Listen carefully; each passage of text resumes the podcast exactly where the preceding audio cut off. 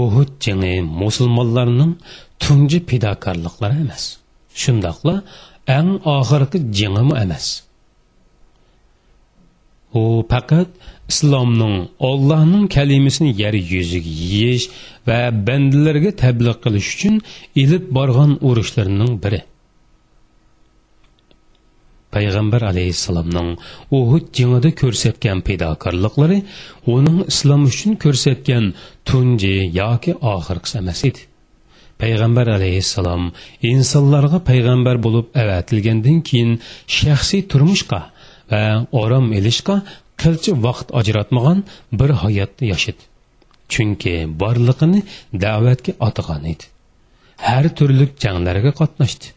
Har turli ishlarga bardoshlik berdi har qandoq jabr zulmdan qo'rqib qolmadi bir kirzisdan qutulmay turib yana biriga tutildi hayoti boshdan oxirigacha to'xtovsiz mujodala ichida o'tdi.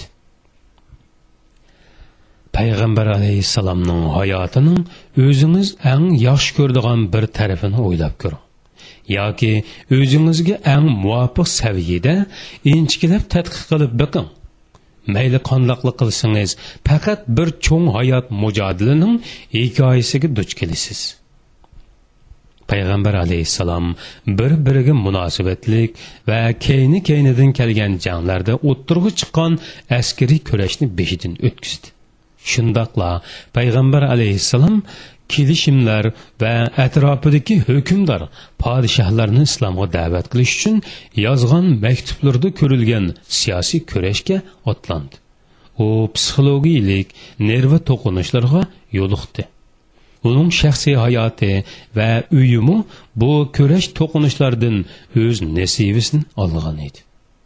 Hazrati ibrohim har vaqt allohga yaqinlashish yo'li tarafga qarab mangsa payg'ambarimiz muhammad alayhissalom har vaqt olloh yo'lida kurash qiladi.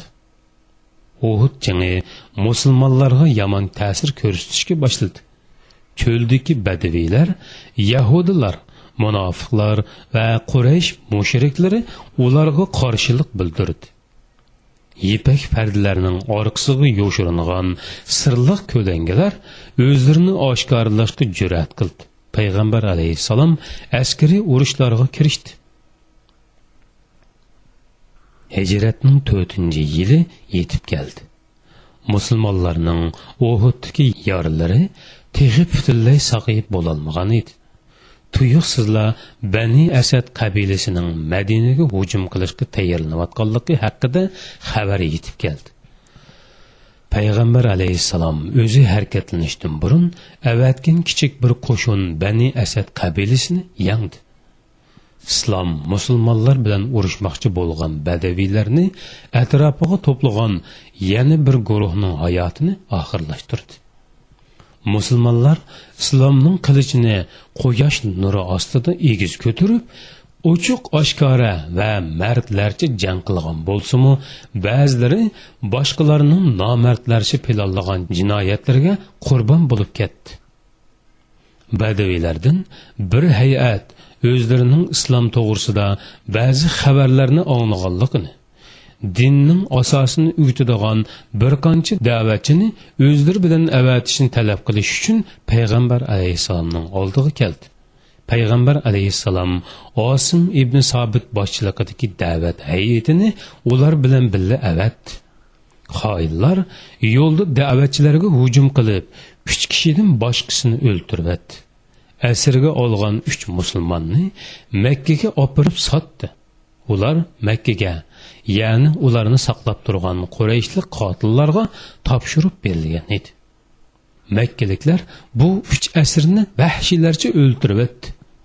Musulmonlar din odamlarining bundoq ichinishliq o'ltirilganligini uqib bakmu azoblandi.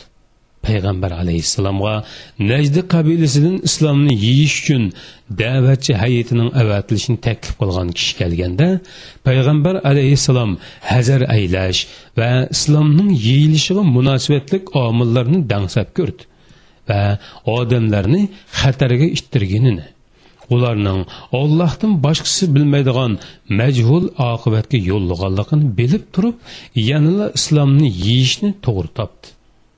Ammo xiyim xatar islom da'vati yashagan hayotning bir qismiga aylanib qolgan edi. Payg'ambar alayhissalom ularga ishonmaydiganligini ularning din odamlarga ziyon yetkazib qo'yishidan qo'rqqanligini tilga olganida da'vatchi talab qilib kelgan u odam payg'ambar alayhissalomga da'vatchilarni o'zining himoya qildiganligiga doir va'da berdi. Payg'ambar alayhissalom eng sarxil odamlardan yetmish kishining olloh yo'lida da'vat qilish uchun yo'lga chiqishiga amr qildi. Qurra nomi bilan to'nilgan kishilar o'ttirg'i chiqdi. Bular da'vatchilarning eng yaxshilari bo'lib hayotlarini kunduzlari o'tin yig'ish kechalari namoz o'qish bilan o'tkazadi. Payg'ambar alayhissalom ularga yo'lga chiqishga amr qilganda ular boshqalarni olloh yo'lida jihod qilishga da'vat qildianligiga suyungan holda yo'lga chiqdi va mazmut qadamlari bilan munofiqlar va xoinlarning tuproqlariga kirib keldi. Ular mauni quduqi degan yerga yetib kelganda birini bu atrofdagi kofirlarning kotib ishiga avatdi. Da'vatchi o'z ko'nglida ularning musulmon bo'ldiganligini umid qilgan holda qo'lini payg'ambarning maktubi bilan birlikda uzatdi. Ammo u xoinlarcha qilgan zarbaga duch keldi. Da'vatchi yerga yiqilib o'tib erishdim. Kabining rabbiga qasamlar bo'lsin erishdim dedi. Kofirlarning kotibishi qo'liga qurol edib xoinlarning qabilalarini atrofiga to'pladi va da'vatchilarga qarab itilib keldi. Tanlangan da'vatchilar mauna quduqi degan yerda shahid qilindi. Ularning jasadlarini yirtqich qushlar yeb ketdi. Ularning orasidan faqat birsi sog' qutulib chiqib payg'ambar alayhissalomning qishiga qaytib keldi. U musulmon da'vatchilar va tanlangan kishilarning boshlarga kelgan bu xoinlikni so'zlab berdi. Payg'ambar alayhissalom bu falokatga munosabatli xabarlarni anglash uchun oldig'i bir oz ingishdi beshini ko'tarib jamoatga mundoq dedi. Sabdoshlaringlar o'ltirildi. Ular rabbidan mundoq bir narsani talab qilgan edi. Ey rabbimiz qarindoshlarimizga bizning sendan mamnun ekanligimizni seningmi bizdan mamnun ekanligingni bildirgin. Da'vatchilarning maunada shehid qilinishing islom uchun cho'ng yo'qotish bo'lib badiviy va kofirlarning islomga qarshi qilgan bu xoinligi payg'ambar alayhissalomga bakmuhor kelgan edi.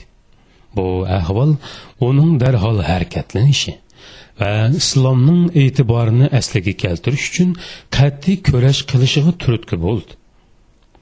Dal shu kunlarda bir yahudi payg'ambar alayhissalomga suiqasd qilmoqchi bo'ldi. Payg'ambar alayhissalom dunyolik bir masala uchun bani nodirga borgan edi.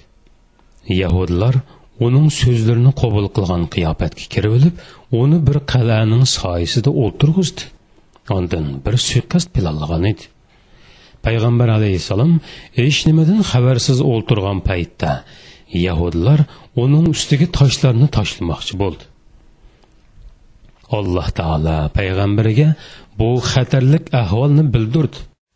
Payg'ambar alayhissalom darhol o'rnidan turib uyiga qarab mangdi dard alamlariga yangi bir dard qetilgan edi.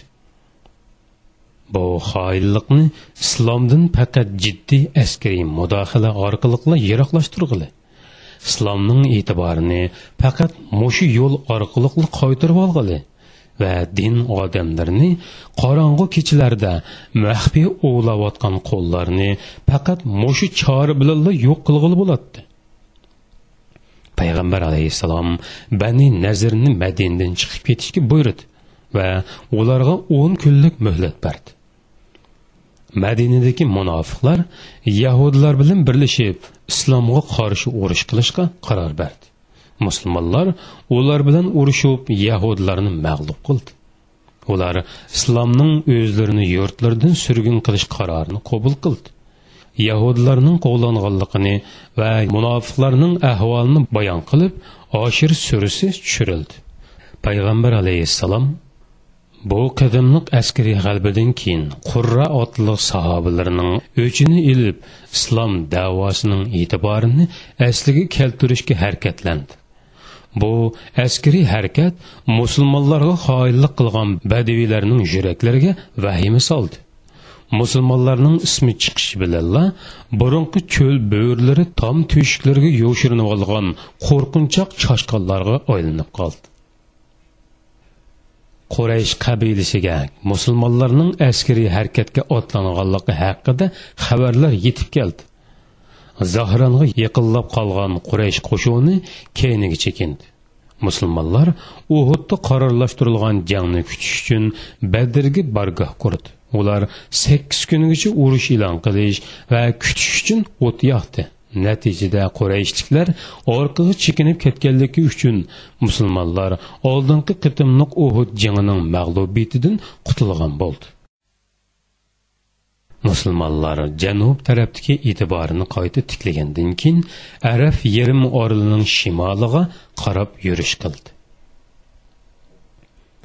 Dumatul jandal shomga yaqin yer bo'lib u yerdagi qabilalar yo'ldan o'tgan karvon va yo'lovchilarning oldini to'sib mol va pullarini bulon qiladi ularning yuragi borgan sir yo'g'inab hatto madinagacha hujum qilib keladigan darajaga berib yetgan edi.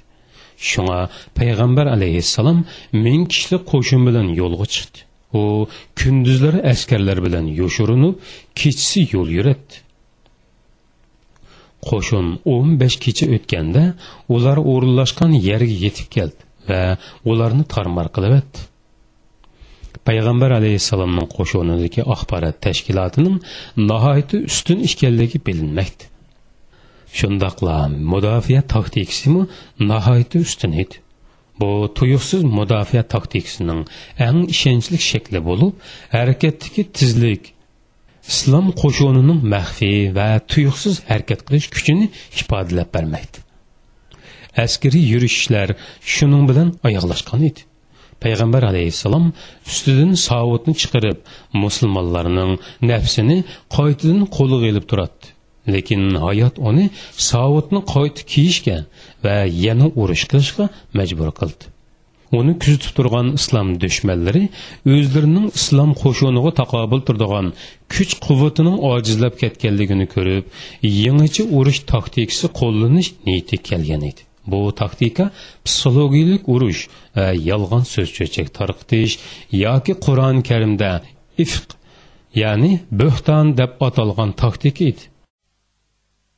Bani mustalliq urushidan keyin bu urushda musulmonlar nihoyatda tizliq g'alabaga erishgan edi. Bu urushdan keyin ikki nodon xizmatchi so'talishib qizirishib qoldi. Biri ey muhojirlar bu yerga kelinglar desa yana biri ey ansorlar bu yerga kelinglar deb to'lashdi. Munofiqlarning boshchisi abdulloh ibn ubay bu kichikkina fursatdan foydalanib muhojirlarni ansorlarga qarshi kuch kiritishga va islom dini amaldan qoldirgan johiliyat davridagi suxanchilikni o'ttirg'i chiqarish uchun to'xtamay qatirashga boshladi abdulloh munularni dedi bu muhojirlarning qig'ashini ko'rdinglarmi o'z yurtimizda bizga cho'ngchilik qilishyotidi allohning nomi bilan qasamki madinaga qaytganda kuchlilar ojizlarni qo'g'lab chiqardi zayd ibn arqam bu munofiqning so'zlarini payg'ambar alayhissalomga yetkazdi. U bu so'zlar orqali ansorlarning muhojirlarga qarshi kuch kiritishga o'rlarini buzishga va ularni bir biridan ayirishga terishyotadi munofiq uning demaganligini bildirish uchun darhol payg'ambar alayhissalomning yeniga mandi musulmonlar bu so'zlarning ma'nisini chunqur o'ylashmayla munofiqning so'zlariga oldinib ketdi. Va payg'ambar alayhissalomga so'z yetkazgan kishini bu so'zlarni xato tushunib oldi deb aybladi. Ammo payg'ambar alayhissalom so'zning haqiqiy mohiyatini tushunib yetgan edi. Bu ish uning ko'nglini to'lim yerim qildi. Payg'ambar alayhissalom burunqidakli darhol yo'lga chiqishga buyurdi. Payg'ambar alayhissalom u kuni sahobalarni atigandan kechgacha va kechidan toki atsi atigangacha to'xtamay mondirdi tong yorib quyosh nuri jahonni qiynug'idek bo'lganda ondin to'xtab orom olg'izdi. Nihoyatda tez va tuyuqsiz qilingan bu safar munofiq abdulloh ibn ubayning qilgan yolg'on so'zlar tufaylidan bo'lgan edi. U qasddan o't quyruqlik qilish maqsadida yolg'onchilik qilgan edi. Munofiqlari payg'ambar alayhissalomning uyidan fitna fasod chiqarishga terishdi. Munofiqlar payg'ambar alayhissalomni jang yoki suiqasd orqali yo'qitolmagandan keyin uning ayollaridan biriga mo'minlarning onasiga eng pok eng ma'sum bir qizga psixologiya va ma'naviy jihatdan suiqasd qilmoqchi bo'lishdi. Hazrati oyisha tahorat sundirg'uni chiqdi. U bo'ynidagi marjonning tushib qolganligini sezmadi. Qaytib borganida karvon yo'lga chiqishga tayyorlanadi hazrati oyisha tuyuqsiz marjinning tushib qolganligini bayqadi va uni izlab berib ming tasni topdi. Uning kojvisini ilib mangdiganlar kelib oyishani uning ichida bor deb o'ylab kojvini tugining ustiga tog'di oyshaning vujudi kichik urug' bo'lganligi uchun uning kojvida bor yo'qligini farq qilolmagan edi. Payg'ambar alayhissalomning qo'shoni oyshaning ichi bo'sh kojvisini ilib yo'lga chiqdi. Oysha marjonni tepib qaytib kelganida karvon oldi burun ketib bo'lgan edi. Oysha hech kimning qolmaganligini o'zining cho'lning o'ttirisida yolg'iz qolganligini uqib bakmi qo'rqdi. Ammo u eng to'g'ri ishni qilib o'zining tugisi cho'ktirilgan yerga kelib kiyimlariga mahkam o'rnib o'ltirdi va o'z öz o'ziga karvondagilar mening yo'qligimni bilib meni izlab keladi va meni topalaydi dedi. Savfon ibn muattal ba'zi ehtiyoji tufaylidan karvonning keynida qolgan bo'lib shu kechasi karvondan ayrim yerga tushgan edi. Iroqdan kelib o'tib bir narsaning qarsini ko'rdi. Safvon yaqinlashib kelib uning hazrati oyisha ekanligini bildi. U oishani payg'ambar alayhissalomning ayollariga ijoblanish buyrug'i kelishdan burun ko'rgan edi. Saffon oishani ko'rib inna lillahi va inna ilayhi rojiun dedi va keyniga yenib tugisini cho'ktirib va uningga tugiga mingin dedi. Oisha tugiga mindi safvon tugining cho'lvirdini yetilab karvonning izini bo'ylab yurib ketdi. Payg'ambar alayhissalomning qo'shuni bir yerga kelib to'xtagan edi ular oyishani kajvining ichida deb o'ylaydi safvon tugini yetilab kelgandila ondan oyishaning kajvida yo'qligini bildi. Munofiqlarning boshchisi abdulla ibn ubay bu fursatni qo'ldan bermay darhol o'ttirib chiqdi va bu manzaraga qarabla bir hikoya to'qib chiqib payg'ambar alayhissalomning ayoliga tuhmat qildi. Abdulla ibn ubay ishning sirtqi ko'rinishiga ishinadigan g'ofillarni va boshqalar haqida to'qilgan yolg'on yovdoq so'zlarni tarqitishga herisman ichi musulmonlarni o'z atrofiga to'plab olgan edi. Abdulla ibn ubay bu yo'l bilan hasan ibn sobit mistoh payg'ambar alayhissalomning ayoli zaynab binti jashning singlisi amni binti jash qatorliqlarni o'zi qurgan tuhmat to'ziqiga tushirdi. Bu uchi uning tuhmatiga oldinib boshqalar orasida fitna fasod tarqitishga boshladi. Tuhmatchilarning demagan so'zlari qolmadi. Bu so'zlar qo'shin ichida g'o'l g'oliq paydo qildi. Oishaning bu ishlardan hech qanday xabari yo'q edi.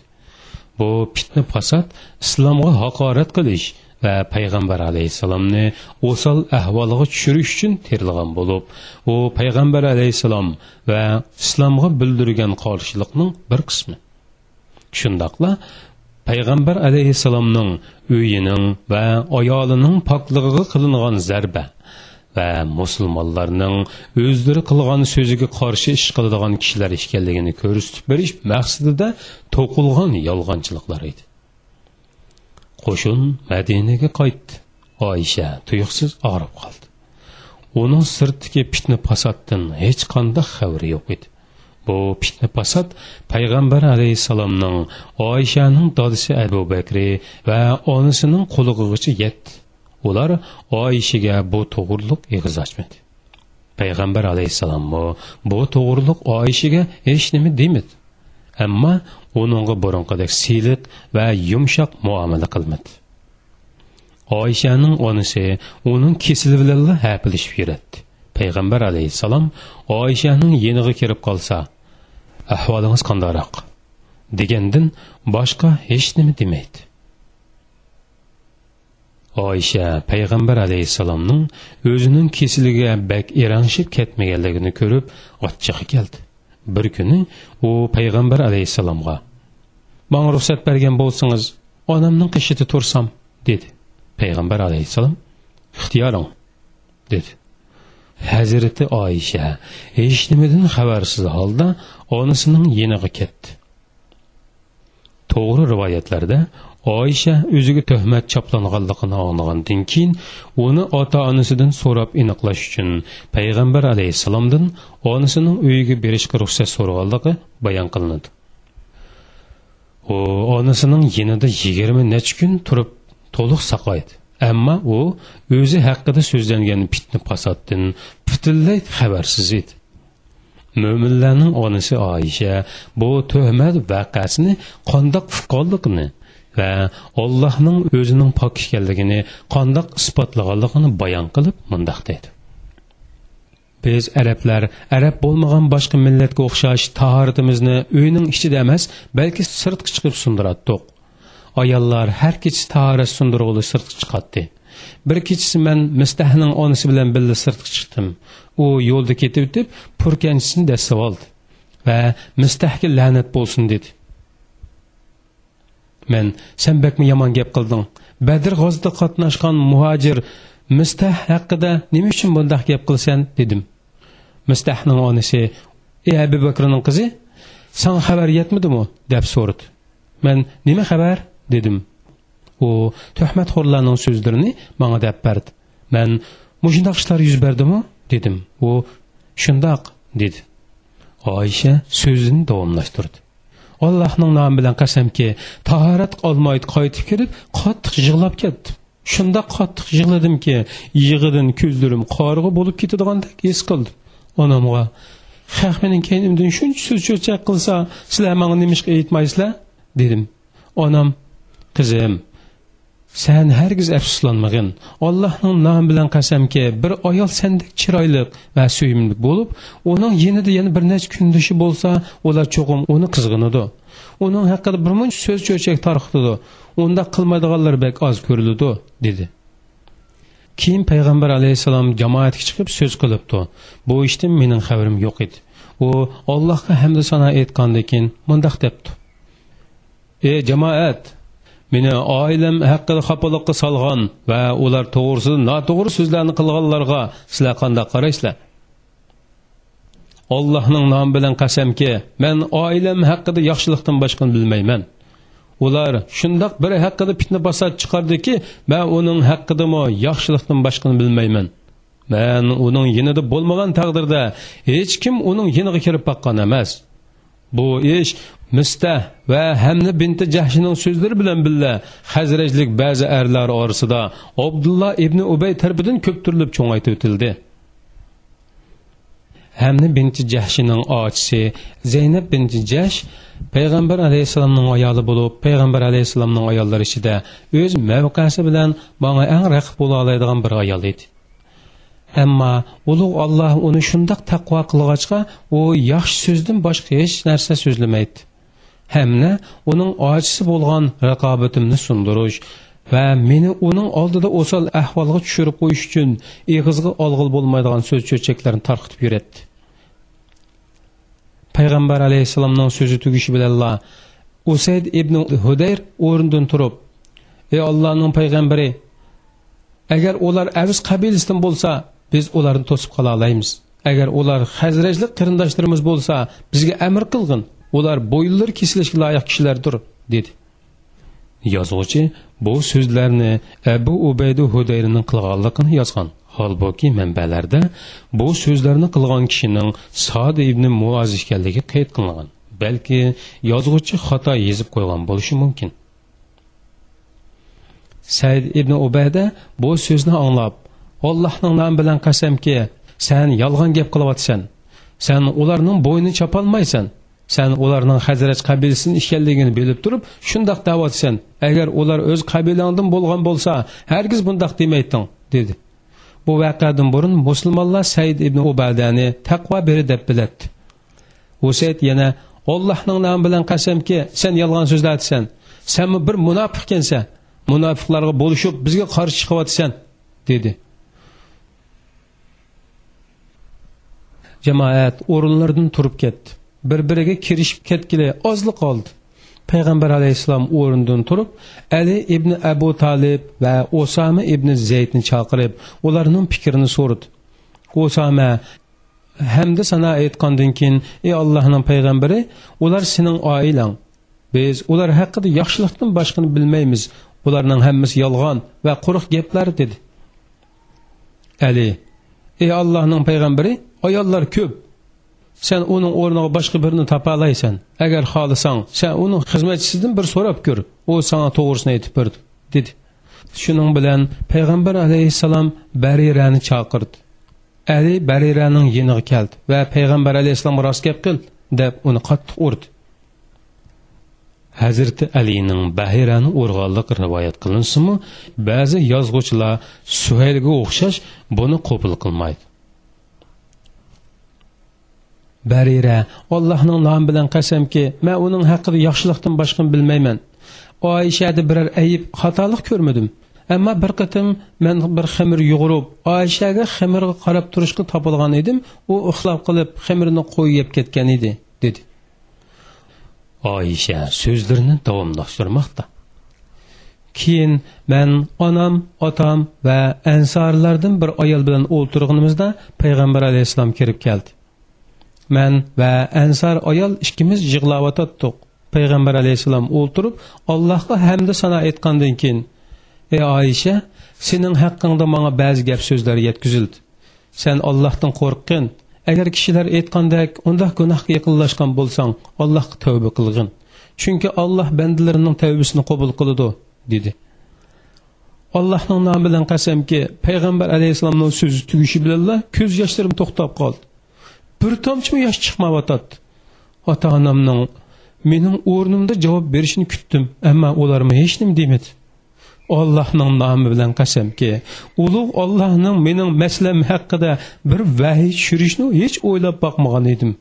Chunki man o'zimni shaxsiyatimga munosabatli bir masala uchun qur'onda olloh tarafidan tilga ilinishdan bakmi yiroq va bakmi tuvan his qilyotdim shunga man faqat payg'ambar alayhissalomning uyqusida bir tush ko'rishini va payg'ambar alayhissalomga ollohning u tushi orqali meni tuhmatdan qutuldirishini umid qilatdim ota onamning gap qilmaganligini ko'rib ularga payg'ambar alayhissalomga javob bermamsizlar dedim ular ollohning nomi bilan qasamki uningga nima deb javob berishimizni bilolmadik deyishdi Allohning nomi bilan qasamki, Abu Bakr oilasining beshig'i kelgan bu kunlar qaysi bir oilaning beshig'i keldikin, ota onamning men uchun javob bermasligiga qarab hayron qoldim va yig'lashga boshladim.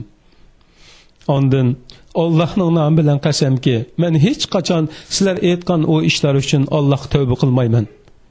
agar men hozir sizlarga yomon ish qildim deb o'zimga tuhmat qilsam mening unda qilmaganligimni olloh biladi sizlarning darhol meni tasdiqlaydiganliginglarni bilaman. Agar sizlarga undaq ishni qilmadim desam undaq qilmaganligimnimi olloh biladi. Manga ishonmaysizlar. Ondan hazrati yaqubning ismini eslashtirishdim uning ismini esimga ololmay sizlarga yusufning dadisining man faqat chiroyli sabr qilaman. Sizlarning mushu yolg'on so'zlaringlarni ko'tarishimga olloh madadkordir degan so'zni aytishdan boshqa choram yo'q dedim. Sura yusuf 18 oyatning bir qismi. Allohning nomi bilan qasamki payg'ambar alayhissalom texi o'rnidan qo'pmay turibla uningga vahiy keldi. U kiyimlariga chin yo'gandi man beshiq bir yostiq qo'yib berdim. Uning bu ahvolini burunmi ko'rgan edim. Allohning nomi bilan qasamki menda qo'rqinch va g'o'liqish degandan hech asar yo'q edi. Chunki o'zimning pok ekanligimni va allohning manga haqsizlik qilmaydiganligini bilatdim ota onamning ahvoliga kelsak oyshaning jini o'z ilkida bo'lgan allohning nomida qasam bo'lsinki ular xalqning gap so'zlarini olloh tarafidan to'g'rilanib qolarmi deb qo'rqib tillari tutilib jonlari chiqib ketayli deb qolgan edi payg'ambar alayhissalom o'ziga kelib o'ltirdi va qish fasli bo'lishiga qaramay uning peshonasidan chip chip tar eqib turadi. Payg'ambar alayhissalom tarlarini surtib o'tib ey oysha xush xabar. Ulug' olloh sening pok va qilingan tuhmatdan yiroq ekanligingni bildirdi dedi. Manmu alhamdulillah dedim. Ondan payg'ambar alayhissalom jamoatning oldiga chiqib ularga so'z qildi va muni oyatni o'qidi. Shak shubhisizki sizlardan bir guruh odam oyshaga bo'xton chopladi bu sizlar uchun yomon emasdir. Sabr qilganliginglar bilan savobga erishishinglar uchun va oysha safvollarning pokligi oshkor bo'lganligi uchun balki yaxshidir. Bo'xton choplag'uvchilardan kimning qanchalik gunohi bo'lsa uningga shunchalik jazo beriladi. Bo'xtonning cho'ng qismini tarqatgan odam ya'ni abdulloh ibn ubay qattiq azobga duchor bo'ladi. Sura nur o'n birinchi oyat. Shundoq qilib jibril oyshaning tuhmatlardan pok ekanligini bildirdi. Musulmonlar va payg'ambar alayhissalomga qarshi ichilgan psixologik urush mag'lubiyat bilan oxirlashdi. Kofirlar yangi bir urush taktikasi qo'llanishga majbur bo'lib qolganligini tushundi.